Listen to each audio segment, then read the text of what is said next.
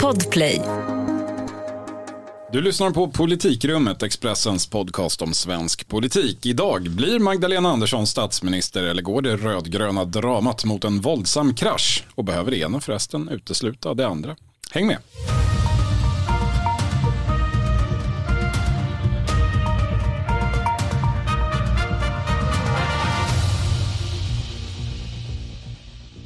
Jag heter Viktor Bart Kron, du heter Helena Gissén. Det stämmer bra det. Och du heter Thomas Nordenskjöld. Ja. Allt i sin ordning. Hörrni, vi ska inte fastna i det förgångna, men vi ska ändå ta avstamp i den socialdemokratiska partikongressen i Göteborg, som alltså tog slut i söndags. Vi var där allihop och det var en väldig fest, i alla fall enligt de närmast berörda. Motvinden har mojnat. Och i de globala krisernas tid är det uppenbart för allt fler Vinden blåser för oss socialdemokrater, för det starka samhället, för jämlikheten, för gemensamma lösningar. En liten bit ur Magdalena Anderssons installationstal som partiordförande. Men det var inte bara hon. Det var socialdemokrater med ovanligt stort självförtroende som vi såg där nere, Thomas. Ja, det var en väldigt peppig stämning får man säga. Det är ju enormt höga förväntningar på henne och vad hon står åstadkomma. Och sen är de ju också väl, överlag väldigt nöjda med, med hur den här eh, processen eh, gått till. Alltså det är precis som de vill att det ska gå till, det här skiftet från Löfven till Andersson. Inte sant? Precis, inte en massa medlemmar som blandar sig och tycker saker. Exakt. Eller ja, förlåt, alla medlemmar har ju nominerat Magdalena Andersson enligt valberedningen. Så. Men det, men det är liksom en, jag tycker det är liksom en smått febrig stämning nästan i partiet och det var liksom slående att se hur de är uppe, liksom, redan dagen innan hon har valt så är, är liksom många uppe och firar i hotellbaren till sent på kvällen och eh, avslappnat får man säga, förvånansvärt avslappnat. Jag såg en, eh, prata med en riksdagsledamot som var lite skeptisk men i övrigt så var det en slags berusning kring detta faktiskt. Mm. Vi får se om berusningen kvarstår när verkligheten verkligheten tränger sig på. Vi ska i alla fall kort eh, säga det att Magdalena Andersson presenterar ju det här talet sitt politiska projekt får man säga. Det, det är ganska tydliga, eller det var ganska tydliga eh, prioriteringar. Hon pratar om klimatomställningen och då med jobben inom parentes för det är klimatomställningen som ska leda till jobben. Hon pratar om kontroll över välfärden Helena. Det var ju det, det var väldigt specifikt kontrollen över välfärden, inte bara välfärden. Nej, och inte bara skolan utan all välfärd. Så att det var ju ett huvudnummer faktiskt. Om man nu vill prata om hennes vänstersväng som det har spekulerats mycket i så var ju det ett exempel på det. Sen blev det inte så mycket med det För kontrollen är alltså den offentliga kontrollen Exakt. i motsats till privat kontroll. Ja men vinsterna helt enkelt. Är det, Ja, det, ja. Det var också en annan punkt som tog längst tid i anspråk i talet. Vi har varit inne på den tidigare för vi, vi hade det på förhand kan man säga. Men det var ju det här fokuset på att stoppa gängkriminaliteten och att bryta segregationen var ju framförallt det hon pratade om. Men Helena, du, ehm, du har några invändningar där. Ja men jag blev överraskad måste jag säga mot bakgrund av just allt det här talet om att hon eh, ska fokusera så enormt mycket på kampen mot gängvåld och kampen mot segregation och så vidare. Så var det överraskande tycker jag att det enda utspel, den enda nyheten som hon hade i det här avseendet var så ofärdig och så opaketerad på något sätt. Alltså, jag fick ta del av underlaget på morgonen och där stod det att nu ska vi eh, snegla på den danska modellen, vi ska utreda den danska modellen, det är kontroversiellt i sig. Och, och, och det här handlar alltså Det om... handlar förlåt, om arbetsplikt för att få försörjningsstöd och det gäller de som är arbetslösa. Och där stod det plikt och krav och samhällsplikt och så vidare. Och sen när hon höll sitt tal så var det där spårlöst försvunnet och istället så handlade det om att erbjuda människor att kunna arbeta ett visst antal timmar för att få försörjningsstöd. Hon la fram det som att det var en stor skärpning men det lät ju inte så i talet. Sen på presskonferensen en stund senare så var det återigen Danmark och plikt och krav och så vidare. Men jag kan liksom inte frigöra mig från misstanken att det här blir eh, mycket snack och Det- kanske inte riktigt lika mycket verkstad. Det var den enda då konkretionen i det här talet. Annars handlade det mycket om att socialdemokrater skulle gå upp på morgonen och fråga sig själva vad man kunde göra för att bryta segregationen och så. Thomas, är, ska vi, är det här en, en, en pappersprodukt, eller en skrivbordssatsningar som vi har att vänta? En men en- kommunikationsprodukt. Ja, nej men, ja, än så länge så kan man väl säga att det är mycket av en politisk strategi, att det är liksom kommunikatörer runt henne som har, som har varit med och tagit fram detta. Men sen är det ju tydligt tycker jag när man pratar med ledande regeringstjänstemän källor att de har, eh, eh, de har väldiga eh, förhoppningar kring detta och förväntningar och det handlar mycket om Magdalena Andersson som person. Att när man frågar dem hur ska det här gå till, alltså det här har man pratat om hur länge som helst, hur ska ni klara det nu? vad är det som säger att ni kommer göra det? Jo men då är det hennes ledarskap, att hon kommer förmå hela regeringen att dra åt samma håll kring detta, samlas kring detta politiska projekt, alltså det som Stefan Löfven inte anses ha lyckats med. Så det, det, är, liksom, det är tydligt att det, hon kommer, det här kommer gå för att det är Magdalena Andersson som är ny partiledare och statsminister. Men går hon fram med väldigt skarpa krav på det här området så kommer hon få stora delar av sitt parti emot sig ändå, tror jag. Alltså inte kommunalråden som är mitt i verkligheten, men däremot många andra ganska röststarka socialdemokrater. Plus att det blir ju naturligtvis jättesvårt att få igenom det här ihop med Miljöpartiet, Centerpartiet och, sen, och Vänstern. Och sen ska man ju komma på vad det är man, man vill göra. Jag tycker det fanns ju ett tydligt fokus i talet och när man pratar med hennes, de som kanske har varit med och tagit fram den här strategin så pratar man ju mycket om positioneringen, vilket väl talar för skrivbordsprodukten då. Att, eh, att det handlar om att eh, fokusera på det förebyggande och inte bara det repressiva arbetet. Det är ju knappast någon ny hållning. Jag är ändå rätt inne på det där att socialdemokrater har pratat om att bryta segregationen i 30 år. De har styrt under större delen av den tiden och segregationen har ju inte direkt gått åt rätt håll under den tiden mot den bakgrunden och mot bakgrund av att man i förra mandatperioden skulle ta den här frågan, sätta den jättehögt upp på agendan. Ibrahim Baylan fick ett särskilt uppdrag. Han fick en delegation som skulle ta fram liksom det slutgiltiga åtgärdspaketet mot segregationen. Och vad gjorde han? Eh, ja, han omvandlade delegationen till en myndighet eh, som alla har glömt bort idag, vilket ju någonstans sammanfattar problemet för, för socialdemokratisk del. Det finns väl en berättigad fråga hos ganska många om den här Eh, Magdalena Andersson är ju inne på det i sitt tal att det, det är Socialdemokraterna som har ett svaren på tidens eh, och framtidens frågor och dåtidens frågor också.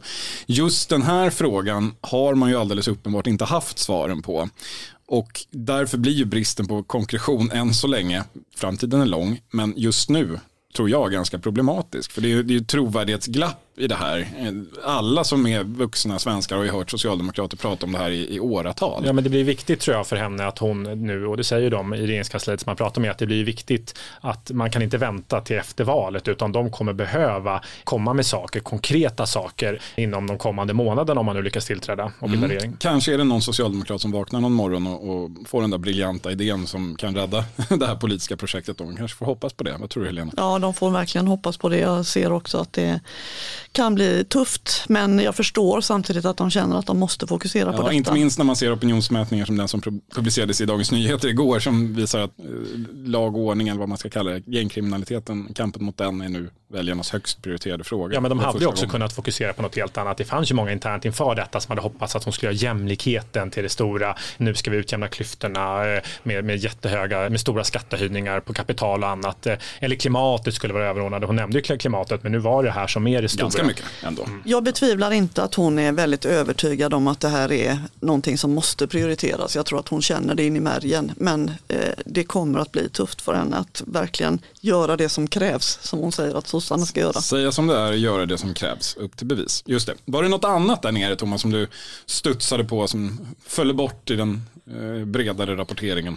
Nej, men man bör väl notera tycker jag att eh, Tobias Baudin, den nyvalda partisekreteraren som det också finns väldigt höga förväntningar på, ändå pratade mycket om Sverigedemokraterna. För där var ju, har det spekulerats lite inför här med utspel från SSU och LO, vad som händer kring det där. Men han eh, gjorde det till ett huvudnummer, han pratade om Kristerssons svek, det var Hede Frid, vi har hört det förut, men det är ändå tydligt tycker jag att den här nya partiledningen kommer hålla fast vid SD-strategin, den kommer finnas där. Alla alla fall tills vidare, fram till valet. Skulle jag ja, säga. det var en intressant spaning, tydligt. Mm. Ja, och särskilt mot bakgrund då att Magdalena Andersson pratade väldigt lite om den frågan i, i sitt tal. Då, så det kanske blir lite good cup, bad cup där i den frågan. Men hon nämnde den då också, ja. fast lite mera med omskrivningar.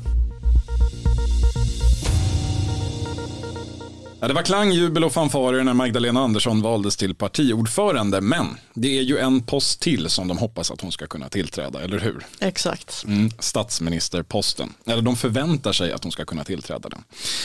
Det ser väl kanske något knepigare ut nu än vad det gjorde för några dagar sedan. Under hösten så har det varit mest fokus på konflikten mellan Centerpartiet och Miljöpartiet om strandskydd och skogsägande. Alltså Centerpartiets villkor för att släppa fram regeringen. Vi spelar in här vid lunch, så när ni hör det här så kan förutsättningarna ha ändrats. Men eh, Helena, vad är, vad är status just nu i denna evighetskonflikt? Nej, men det är ju naturligtvis så att pressen är väldigt hård från Stefan Löfven och Magdalena Andersson nu på att man ska göra upp naturligtvis. Det man har hört de sista dagarna är att Miljöpartiet upplever att både Socialdemokraterna och Centerpartiet äntligen har förstått att frågan är verkligen existentiell och helt avgörande för dem. Eh, men Centern betonar samtidigt när jag pratade med dem alldeles nyss här att det är Stefan Löfven som har bråttom. De själva har inte särskilt bråttom. Ja, Stefan Löfven och säkert en viss otålighet i Magdalena Andersson också. Men det var visst inte bara den här saken som stod mellan henne och statsministerposten heller. Plötsligt, mitt under brinnande eh, jubelföreställning i Göteborg, så dök ett spöke från det förflutna upp och gjorde sig påmint och skrämde upp folk ordentligt. Vi är inne i ett helt nytt politiskt läge. Nu är det ju på Vänsterpartiets mandat, inte på Liberalernas som det var förut, som man nu ska eh, ha en ny regeringskonstellation. Så det, vi måste ju hitta en helt ny mittpunkt. Ja, från Aktuellt i torsdags, eh, Nooshi Dadgostar, vänsterpartistiskt eh, spöke för eh, alla socialdemokrater, åtminstone sedan i somras. Det här inlägget i regeringsfrågediskussionen kom överraskande. Det blev nästan som en liten bomb där nere, Thomas. Ja, det svors en hel del kan man väl säga i korridorerna. Det blev ett, det blev ett jävla liv helt enkelt. Är inte detta lite märkligt ändå, Helena? Jo, man känner verkligen så att det är ganska stor risk att den här euforiska stämningen kring partiledarbytet nu riskerar att övergå i eftertankens men, kranka blekhet. Men hur kunde man inte ha förberett sig på det här undrar jag då, med tanke på eh, hur man var ganska självkritisk i somras och insåg att men vi har underskattat Vänsterpartiet. De var tydligen kapabla att visa att de lever. Ja, men nu tänkte man tydligen att alla småpartier bara skulle foga sig Istället så tar de naturligtvis varje chans att ställa krav och bråka ja. så mycket de kan. Man saknar nog Jonas Sjöstedt kan man säga. Det, det, det, tycks ju som att de inte riktigt, de förstår inte riktigt Nooshi Dadgostar och den nya partiledningen. Det är ändå, det är ändå ganska, ganska lustigt kan jag tycka, för det hon gör är då att agera som 99,9 av 100 partier i den demokratiska världen skulle göra i ett, ett läge där man förväntas rösta fram en regering, nämligen man ber om en politisk diskussion. Det var möjligen Sjöstedt då som var undantaget, även om han själv skulle hävda att det här även är hans strategi. Men, men jag tror att de trodde att det här skulle, liksom, det här, man, man förstod ju någonstans att det här, det, här, liksom, det här är ett problem, men det kommer fa framförallt bli det efter valet. Vänsterpartiet kommer ju släppa fram Magdalena Andersson, de kan ju inte stoppa henne. Men sen, eh, hur man ska lösa det sen, ja men det tar vi sen på något sätt. Men nu, nu kom det nu istället. Ja. Det, det är bara att konstatera att det är ännu en felbedömning. Man felbedömde ju Dadgostar i somras och nu har man felbedömt henne igen. Eventuellt. Och det var uppenbarligen inte ett personproblem för just Stefan Löfven då heller, utan det var ett mer, ett mer strukturellt problem med det socialdemokratiska övre skiktet att, eh, som då lever vidare.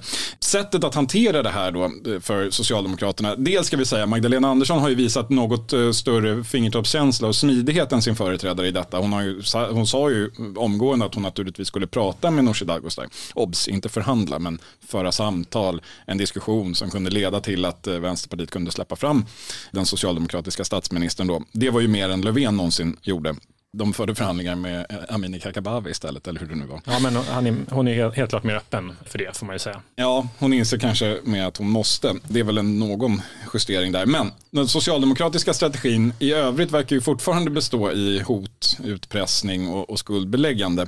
Det vanligaste som sägs är ju det här att Nooshi Dadgostar och Vänsterpartiet måste välja.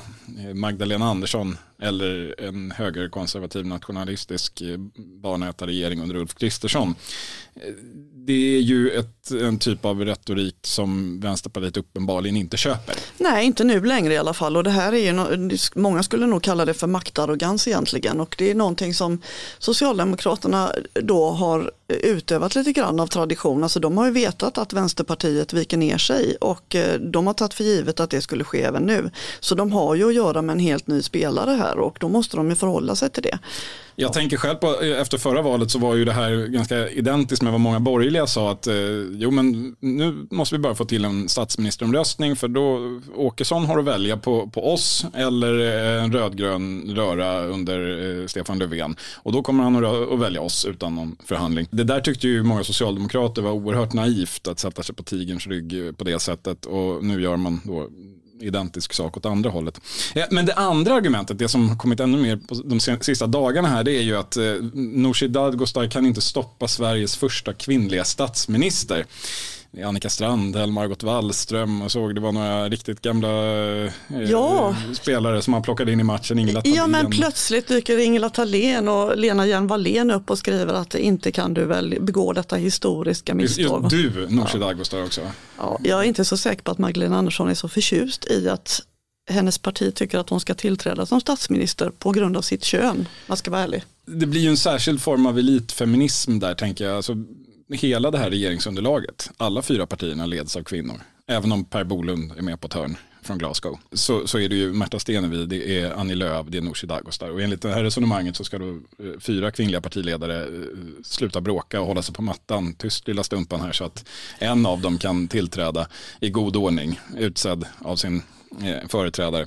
Det, det är någonting som skaver ganska rejält. Jag tror att det här är direkt kontraproduktivt. Jag tror inte att Vänsterpartiet, som ändå har varit väldigt hjälpsamt i sina egna ögon i alla fall mot, den, mot eh, det socialdemokratiska projektet de senaste åren. Jag tror inte att de blir mer benägna att hjälpa till när det är sånt här de får, eh, de får tillbaka.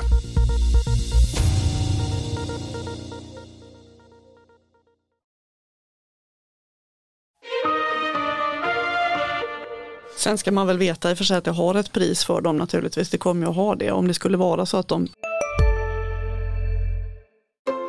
Just nu pågår vår stora season sale med fantastiska priser på möbler och inredning. Passa på att fynda till hemmets alla rum, inne som ute, senast den 6 maj. Gör dig redo för sommar. Välkommen till Mio. CSRD. Ännu en förkortning som väcker känslor hos företagare. Men lugn, våra rådgivare här på PWC har koll på det som din verksamhet berörs av. Från hållbarhetslösningar och nya regelverk till affärsutveckling och ansvarsfulla AI-strategier. Välkommen till PWC. mot förmodan vill jag flika in eh, får för sig att eh, rösta rött. Vet vi det? Vad tror du Thomas? Jag tänker att eh, sommaren var det Centerpartiet som backade och, och Vänsterpartiet som gick fram när det blev en Nej sån men, här. nej, men det är ju en, och det tycker jag, det medger ju ledande vänsterpartister man pratar med, men det är klart att det, det någonstans är en, det finns en balansgång här, alltså vad är det man ytterst vill? Alltså vill Vänsterpartiet vara med och bli en del av det här äh, nya rödgröna samarbetet där även Centerpartiet ingår? Vill Vänsterpartiet sitta och kompromissa om eh, privatiserad arbetsförmedling och skattesänkningar med Centerpartiet? Eh, eh, så, det kommer ju inte, vara så, det kommer inte alltid vara så kul, men om de nu vill det ändå, ja, det är det stora liksom, målet långsiktigt, att få vara en del av det här, ja, men det är klart att ju mera man ställer till det och retar upp centerpartisterna, ju svårare blir det ju att åstadkomma det målet. Så det är klart att det, det, det, det finns ju där. Än så länge visar man ju att man, man, man nu, nu slåss man med näbbar och klor för att, eh, ja, men för att liksom vinna den här debatten. Men, men, men kommer man också att bli insläppt? Ja. Men man kan ju väl å andra sidan då säga att man prövade den snälla linjen i två och ett halvt år och det fick man ju bara förolämpningar som tack för. Så, Verkligen. så uppenbarligen är man ju mer relevant som spelare nu än vad man var när man var, var mysig under Jonas Sjöstedt. Och det är fascinerande att se vilket stöd de får långt in i borgerliga lager bland debattörer och så vidare. Att de står upp för, sina, eh, för demokratin och för sina väljare och så vidare. Ja, och för en mer långsiktig borgerlig agenda som handlar om att få associera Centerpartiet med Vänsterpartiet, naturligtvis. Men det är en Förstås. bieffekt av eh, det, det, det, ja, det, det är som det är helt enkelt i den, i den frågan för Vänsterpartiet. Det får de nog leva med på gott och ont. Men det här leder oss ju in på, på den egentliga kärnan i detta och det är ju det. Alltså, ingen tror ju att Socialdemokraterna har ju inget emot att samarbeta med Vänsterpartiet egentligen. Miljöpartiet vill ju till och med ha dem i regeringen. Ja, nej, men Socialdemokraterna skulle tycka att det var jättebra om, om Vänsterpartiet kom med i detta också egentligen. Alltså man brukar säga att eh, stänger man in en centerpartist och en vänsterpartist i ett rum så kommer det ut socialdemokratisk politik. Jag menar det, och det ligger väl någonting i det att de skulle slipa av varandras eh, kanter och framförallt så skulle Socialdemokraterna kanske slippa en del som de hoppas av Martin Ådahls eh, och Centerpartiets mest liksom, liberala reformer. Men det här leder ju då in på kärnan i varför det här överhuvudtaget är ett problem som eventuellt, högst eventuellt ska vi säga, kan kosta Socialdemokraterna regeringsmakten. Och det är ju att Centerpartiet tycker inte att Vänsterpartiet ska få vara med. Eller vad tycker de nu? Vad, vad står vi egentligen i detta? Det har varit väldigt tyst från centerpartistiskt håll under de senaste, den senaste veckan när det här har kommit upp. Måste du titta på mig? Ja, jag kan titta på Thomas. Nej, men det är, alltså, min bild är att de tycker att det här är rätt jobbigt. Alltså att det, det, det, det finns en, liksom en, en väldigt vånda internt och därför också som det, som det är så tyst. Jag tror faktiskt, jag pratade med en centerpartist här som säger att nej, men, alla tror att det finns att vi har en plan. Vi har inte riktigt en plan här. Eh, det är det som är problemet. Alltså, man har, eh, liksom, om det har funnits en plan har det varit att man ska ta sig fram på den här, balansera fram på den här linan fram till valet och sen så ska det liksom, man få hjälp av ett valresultat som eh, skapar andra förutsättningar. Men, men, men det, nu kom det här redan nu så att säga, verkligheten hann ikapp. Och det är en väldigt intressant plan i den mån man kan kalla det för plan, att, att hoppas att nästa val ska lösa problemet. För det är ingenting, absolut ingenting talar ju för att det gör det. Och det är därför den här mm, liksom, situationen är intressant. Alltså, opinionsläget har ju varit under lång tid, alltså egentligen sedan över förra valet, extremt stabilt. Och förutsättningarna är ju ganska enkla så att om, om det ska bli eh, någon form av socialdemokratisk regering där Miljöpartiet är med, där Vänsterpartiet är med och där kan även Centerpartiet är med så bygger det ju på att de här fyra partierna får en majoritet. Och om de får det, om inget under inträffas, inträffar så kommer alla fyra partierna att behövas. Och i det läget, inte bara för att släppa fram en statsminister utan för att driva hela regeringens politiska agenda. Eftersom högern nu har samlat sig kring sitt regeringsalternativ så, ja, det ser vi ju redan nu i den här budgetprocessen som vi ska återkomma till, att man kommer att behöva alla fyra partierna och jag tror inte att Ingela Thalén kan skriva arga debattartiklar vid varje riksdagsvotering under nästa mandatperiod. Men man kan ju konstatera att Annie Lööf eh, ändå tycks trivas bättre än man trodde kanske i det rödgröna lägret. Hon var ju den enda som skickade en videohälsning till Stefan Löfvens avskedsföreställning på S-kongressen. Ja, som fick göra det kan man säga. De andra kanske ville men inte fick. Så kan det vara naturligtvis. Men Nooshi Dadgostar gjorde det via Aktuellt istället. Ja, just Tack för den hälsningen. Men de andra i partiet, eller många andra i partiet säger att det har ett eh, högt pris bara att släppa fram en S-regering en gång till eller en, ja. en socialdemokratisk. En tredje gång på tre år. En tredje gång. Och mm. det blir ju verkligen inte lättare om man då ska dessutom föra långtgående förhandlingar med Vänsterpartiet. Men samtidigt så kan de ju inte sätta sig i sitt mittenrike och bara sura och säga nej till allt. Eller kan de det? Nej, men det är ju, alltså, jag tror att det, liksom, det sitter långt inne för, för Centerpartiet att, om, att ompröva relationen till Vänsterpartiet. De har ju här liksom, nej, först hade man ju när man liksom släppte fram Löfven första gången, då, då, hela tanken var ju då att det skulle ske till, till priset av, av att Socialdemokraterna skulle bedriva en borgerlig, borgerlig politik eh, och, och, man fick igenom väldigt mycket. Sen så släppte man ju den strategin i somras i samband med regeringskrisen i somras och istället så släppte man fram en socialdemokratisk regering eh, utan att man skulle hålla på och förhandla utan eh, Socialdemokraterna skulle gissa sig till lite vad Centerpartiet ville ha men det var, man övergav den strategin att försöka påverka. Man skulle liksom, det var de här kraven som jag pratat om. Men nu då så handlar det om att det här sista heliga, att isolera ytterkantspartierna, för det är ju ändå det, det har varit bärande, det var så man motiverade, vi ska hålla ytterkantspartierna är borta. Nu tycker jag man kan notera att Annie Lööf och Centerledningen, de pratar inte längre, de buntar inte lika mycket ihop eh, SD och V, eh, utan man signalerar ganska tydligt att det är värre med SD än med V. Eller vad säger ni? Jag tycker man liksom ändå märker det har varit en glidning. Så, eh. Absolut så, men, men man kommer ju, eh, ja, man är ju fortfarande tycker jag i allt man hör från partiledningen väldigt eh, tydliga med att man inte eh, har för avsikt att ge sig i lag med Vänsterpartiet heller. Och det är ju kommer ju längden inte vara en hållbar position. om det inte löser sig genom att högern vinner valet. Men när man frågar nu centerpartister på ledande positioner så svarar de inte helt enkelt nej, men, nej, men det, om detta. Nej, men det tycker jag, det tycker jag man, man, man kan ju notera det att det liksom, Centerpartiet är ju närmast unikt slutna. Alltså när det verkligen är skarpt läge och det tror jag liksom, som det är här så är, man brukar alltid som vi gör, du och jag Helena, och så man, man, man, man ringer runt och pratar men det är, det är vi har fått, alltså man har fått tag i några men de flesta svarar inte och jag tror att det är så för att det, det är de, man vågar inte, alltså man, man, vågar inte säga för man vet inte vad man ska säga. Man vet inte, det är Annie Lööf som kommer bestämma detta i slutändan. Hon har en sån oerhört stark position och då vågar man inte eh, föregå detta så därför sluter man sig och är tyst. Men, ska bara, så, så att det blir tydligt, jag förstår att det blir lite mandatmatematik här, men alltså som eh, som riksdagen ser ut idag, som den skulle se ut efter valet om man tittar på sammanvägning av opinionsmätningar och även går tillbaka en tid för det har varit ganska stabilt så är det ju så att om Centerpartiet inte vill vara med i det rödgröna laget som Vänsterpartiet ingår i, då blir ju Kristerssons gruppering den största. Det är den redan nu, det är därför vi pratar om det här med att eh, hur ska det gå med budgeten. Och det skulle ju såklart gälla även om vi fick ett snarlikt valresultat nästa gång.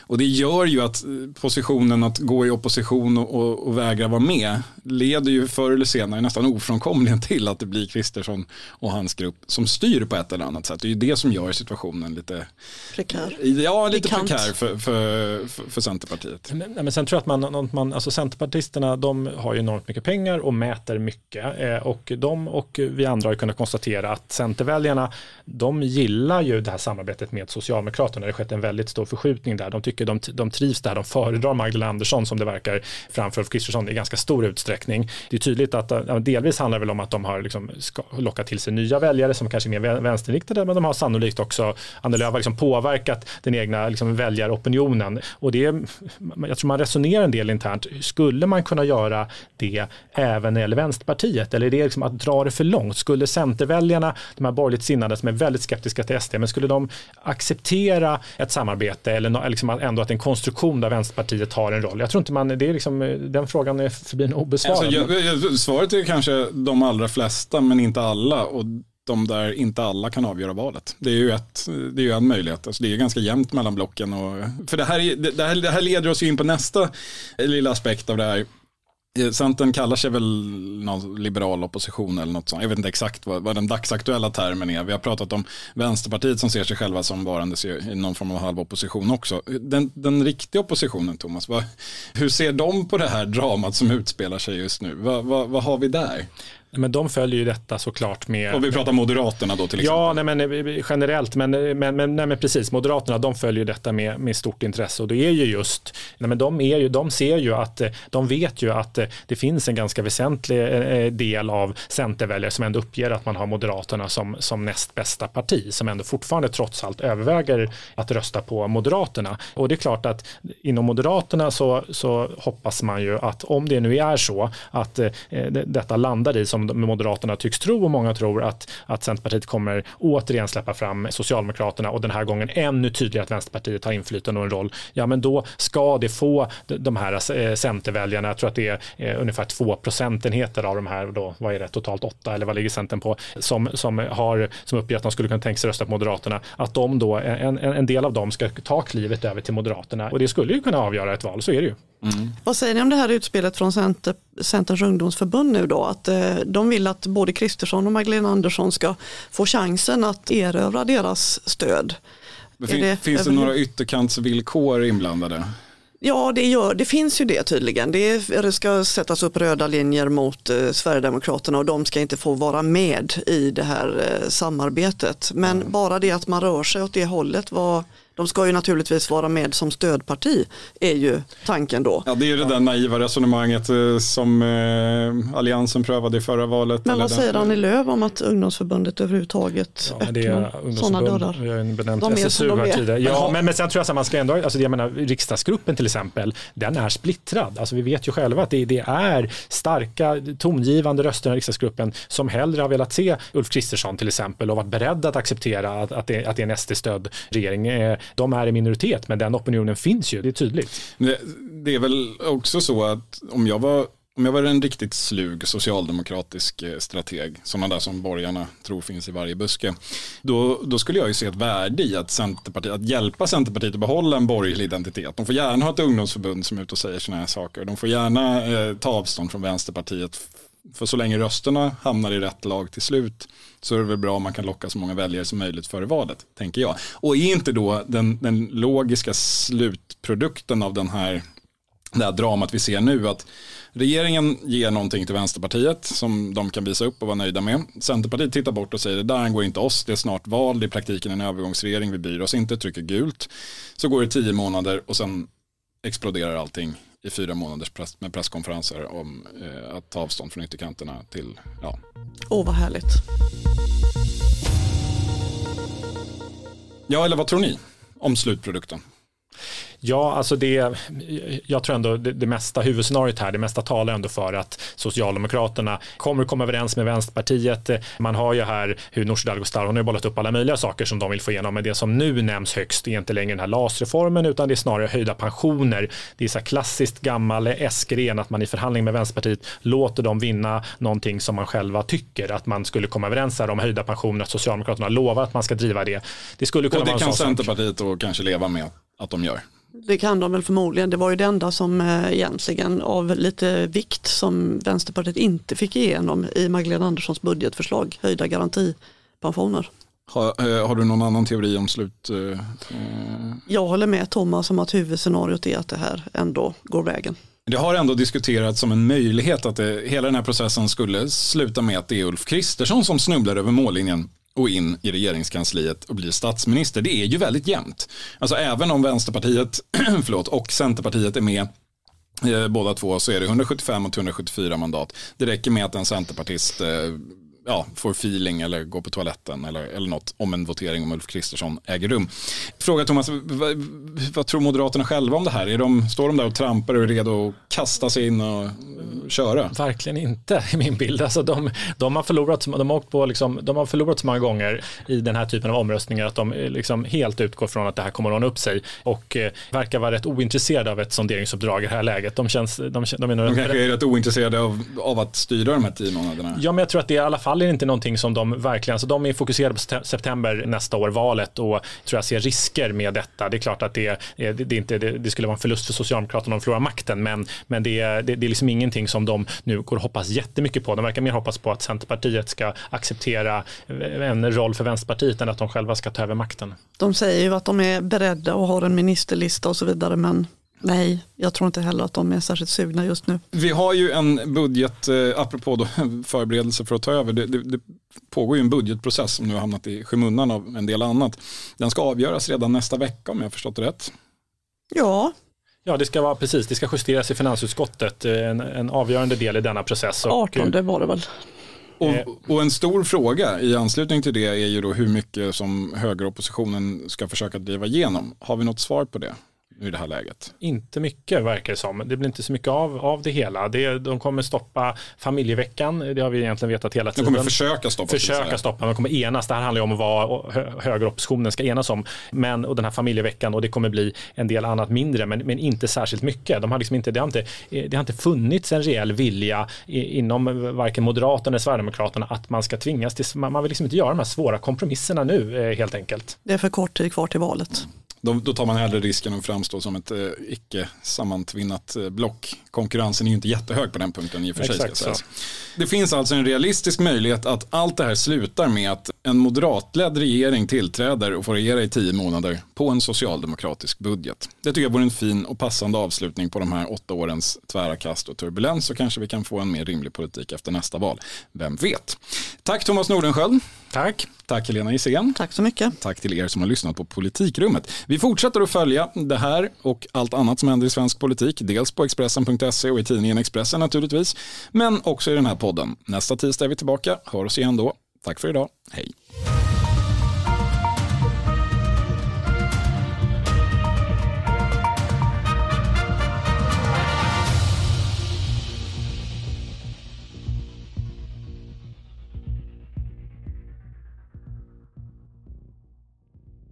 Du har lyssnat på en podcast från Expressen.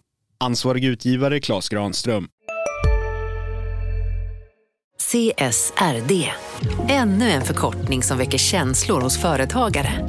Men lugn, våra rådgivare här på PWC har koll på det som din verksamhet berörs av. Från hållbarhetslösningar och nya regelverk till affärsutveckling och ansvarsfulla AI-strategier. Välkommen till PWC.